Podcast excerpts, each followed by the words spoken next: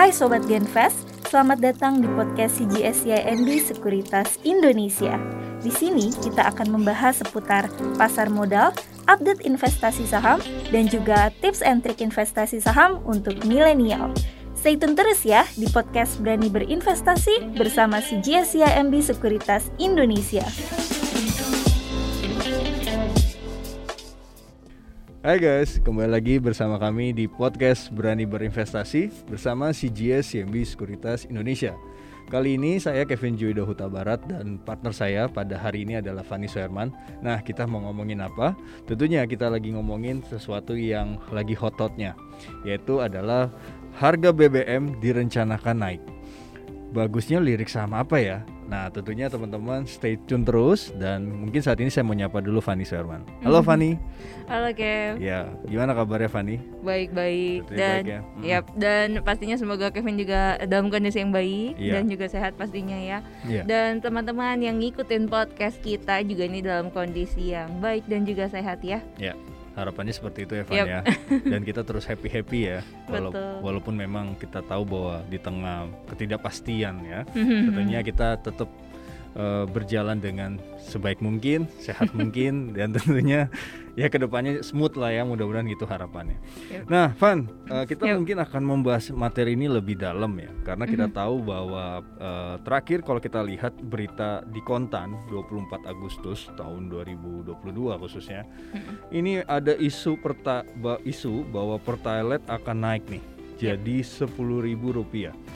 Artinya ini terjadi kenaikan 30,7% dari harga yang sekarang yaitu di Rp7.650 rupiah. Nah, kira-kira nih Van, tanggapannya Fani mengenai berita tersebut gimana nih Van? Silakan Mhm. Van. Thank you banget nih. Mm-mm.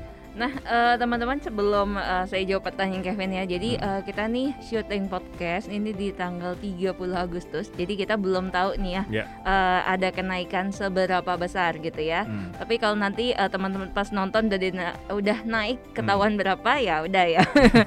nah, tapi ini kita spill dulu nih ya teman-teman ya. Iya. Jadi eh, memang Bapak Presiden Jokowi ini sudah eh, mengatakan nih Ya. bahwa pemerintah ingin menaikkan harga pertalite gitu ya. Cuma memang eh, sampai dengan sekarang ini belum ada detail gitu kira-kira eh, mau naiknya ini berapa persen gitu ya. Hmm, Ini yang hmm. masih dibicarakan.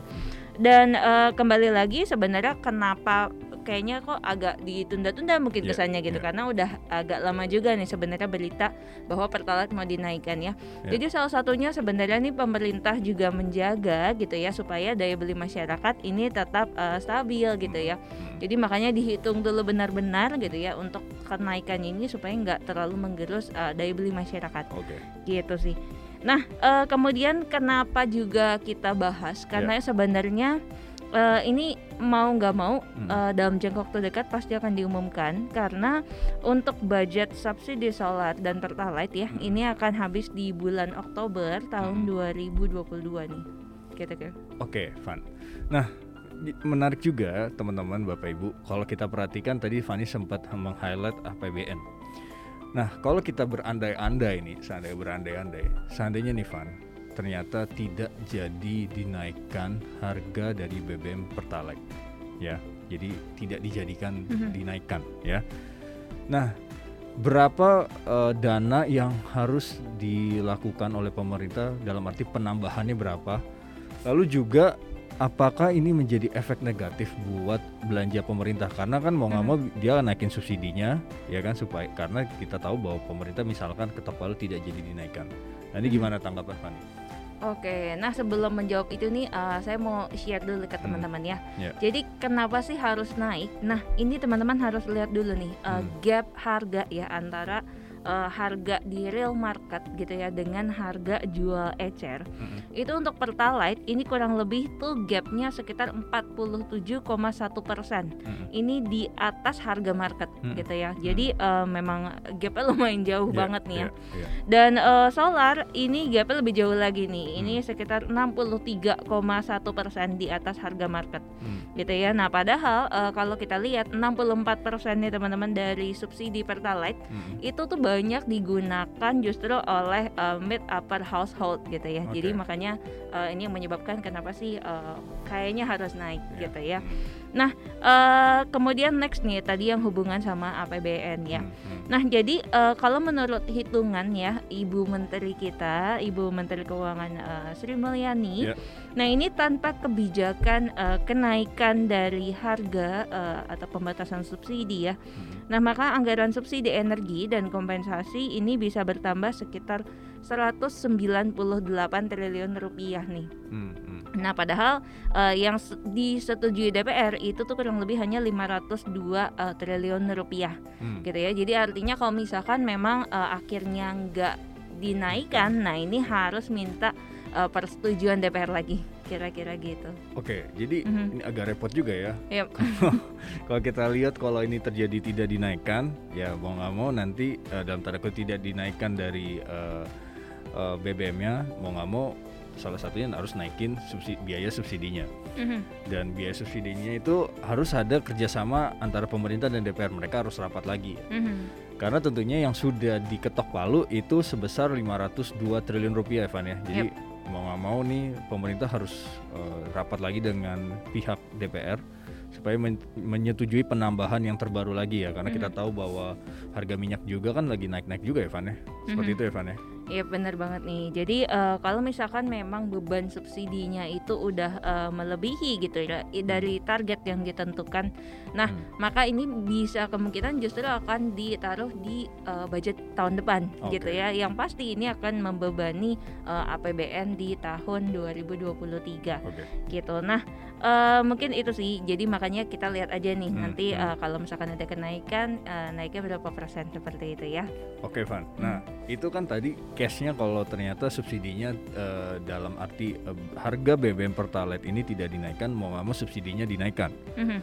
Nah sekarang kita asumsikan yang berbeda. Kalau ternyata harga Pertalite-nya naik, Nah, biasanya kan kalau harga Pertalite naik, BBM naik kan ini juga berpengaruh terhadap potensi dari harga pangan. Ini bakal naik. Nah, kalau harga pangan naik berarti kan kemungkinan inflasi juga akan naik. Nah, Kira-kira nih kalau nanti ternyata naik ya harga BBM-nya dan diikuti oleh harga pangan, berapa persen sih inflasi atau berapa bi, uh, berapa uh, bips atau uh, persentase yang sebenarnya terjadi kalau itu asumsi bahwa uh, BBM naik tuh? Hmm. Oke. Okay. Hmm. Nah, jadi emang benar banget nih teman-teman. Kalau misalkan uh, BBM naik ya, by historical hmm. ini pasti akan ada kenaikan inflasi. Hmm. Nah, menurut uh, perhitungan dari ekonom kami ya di CGSCMB, jadi setiap uh, ada kenaikan 10% di hmm. Pertalite ya, maka hmm. ini ada potensi kenaikan inflasi sebesar uh, 130 bips. Hmm. Jadi uh, andai-andai aja nih kalau misalkan betul dinaikin jadi 10.000 gitu ya, hmm. yang naiknya tadi sekitar 30%. Hmm. Nah, berarti ini ada potensi uh, kenaikan inflasi itu sekitar sekitar 390 bips gitu. Wow, ini mhm. gede sekali ya. Ya. Lumayan. ya, gede sekali karena kita tahu bahwa inflasi kita kan masih under 5% ya terakhir mm -hmm. dan kita harus nunggu nanti rilis dari inflasi di tanggal 1 September. Yep. Nah, uh, jadi ini luar biasa ya uh, kenaikannya dan memang kalau benar nih nanti naiknya pertalite 30% ya tadi yang sudah diutarakan oleh uh, Fanny ya bahwa kenaikannya juga cukup luar biasa itu sampai 390 basis point. Nah, uh, apalagi nih Van yang mm -hmm. uh, kita bisa lihat seperti itu? Mm -hmm. Dan uh, sebenarnya ini udah bisa kita lihat ya uh, potensi dinaikkan. Ini pertama dari segi uh, Bank Indonesia udah naikin suku bunga duluan. Mm -hmm. Mungkin pertama juga kalau dilihat udah mulai antisipasi nih ya. Mm -hmm. uh, adanya pelonjakan oh, inflasi yeah. gitu ya. Jadi ini pertama, kemudian kedua kalau kita lihat udah ada nih uh, dana bantuan nih ya hmm. untuk uh, apa mencegah lah hmm. daya beli masyarakat ini jadi ngedrop banget gitu ya akibat hmm. dari kenaikan uh, BBM seperti hmm. itu ya. Ini yang bisa kita lihat sekarang gitu yeah. sih. Ya makanya kemarin tuh kalau uh, di minggu lalu ya kalau hmm. ya memang uh, lihat kita publikasi dari Bank Indonesia itu hmm. sebenarnya di luar dari uh, ekspektasi pelaku pasar ya. Jadi ya. kalau teman-teman perhatikan di mungkin teman-teman cek di media massa itu suku bunga Bank Indonesia di bulan Agustus ini sebenarnya diprediksikan tidak naik, masih tetap di 3,5 persen. Lalu ternyata pas uh, pengumuman ini malah ada di minggu lalu juga malah kaget pelaku pasar ya karena naiknya 25 basis point dan which is sebenarnya rencananya 25 25 basis point itu akan dinaikkan next next month gitu ya. Mm-hmm. Tapi sudah dinaikkan dan mungkin ini juga uh, Bank Indonesia punya pemikiran yang lain bahwa bahwasanya kepastian dari kenaikan uh, pertalite ini mungkin saja uh, dia uh, bisa terjadi seperti itu makanya mereka duluan untuk menaikkan uh, hmm. apa uh, suku bunganya Evan ya seperti itu ya yep. Ya.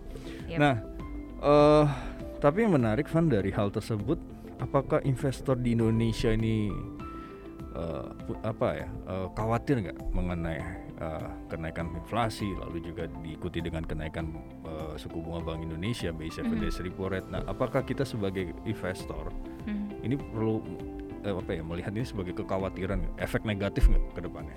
Oke, thank you banget nih. Hmm. Nah, kalau misalkan teman-teman lihat ya dari uh, pergerakan IHSG uh, belakangan ini nih, ketika contohnya aja misalkan uh, Dow Jones ini sempat uh, koreksi tiga persenan ya yeah, karena yeah. Uh, ekspektasi bahwa The Fed akan terus menaikkan suku bunga gitu ya. Yeah. Sebenarnya market kita tuh cukup kuat ya kalau okay. kita lihat ya.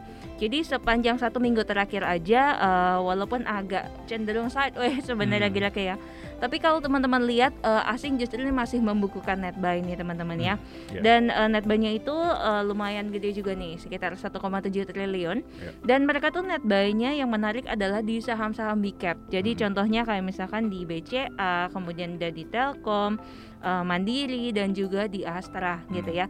Artinya apa nih? Artinya bahwa mereka kemungkinan nih ngelihat juga bahwa uh, Indonesia nih berprospek ke depannya. Hmm. Jadi uh, pertama dilihat dari segi GDP, GDP kita tuh ekspektasinya masih tumbuh ya di tahun yeah. ini dibandingkan dengan negara-negara lain tuh justru ada yang mengekspektasikan malah uh, ada penurunan GDP gitu yeah. ya. Nah, kemudian next dari segi uh, probabilitas resesi ini. Hmm. Nah, Indonesia itu sekarang probabilitas resesinya hanya 5%, teman-teman. Hmm. Ini paling rendah dibandingkan di antara eh, negara-negara Asia Pasifik lainnya. Yeah. Nah, kemudian juga kalau kita lihat kayak US, US aja tuh uh, probabilitas resesinya udah mencapai 50% yeah. gitu. Jadi sebenarnya masih uh, optimis sih dengan uh, pasar modal Indonesia gitu kan.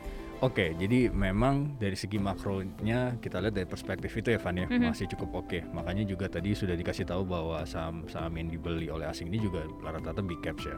Nah Van, mm-hmm. uh, kita uh, apa melihat bahwa ini sudah ada efek-efek yang negatif ya. Salah satunya uh, apa potensi dari BBM naik dan sebagainya. Ini kan kadang bisa mengguncangkan pasar IHSG gitu ya mm-hmm. teman-teman ya. Yep.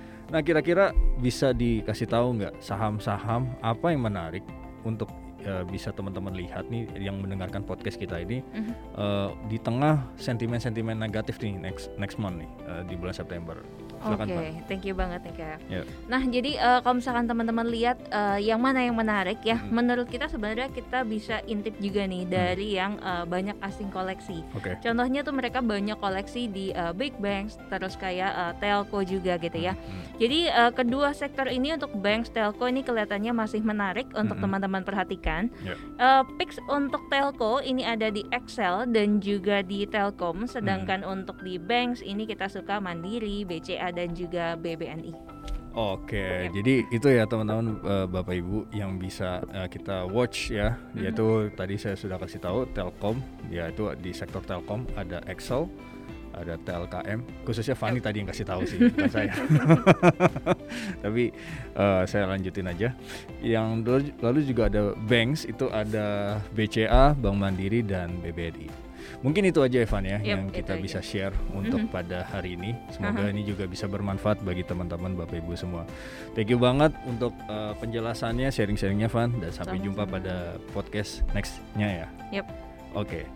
Nah, gimana guys? Seru nggak obrolan kita uh, saya maupun Fani mengenai harga BBM ya? Nah, Semoga ini juga bisa bermanfaat buat teman-teman bagi Bapak Ibu juga yang mendengarkan podcast Berani Berinvestasi uh, pada saat ini. Mhm. Sampai jumpa pada podcast Berani Berinvestasi selanjutnya dan tentunya Bapak Ibu kita tidak malas-malasnya untuk memberikan informasi untuk uh, pegangan buat Bapak Ibu untuk investasi. Tentunya bagi teman-teman yang belum investasi silakan join bersama kami uh, di CJ CMB Sekuritas Indonesia. Karena kalau tidak sekarang mulai kapan lagi? See ya. Bye.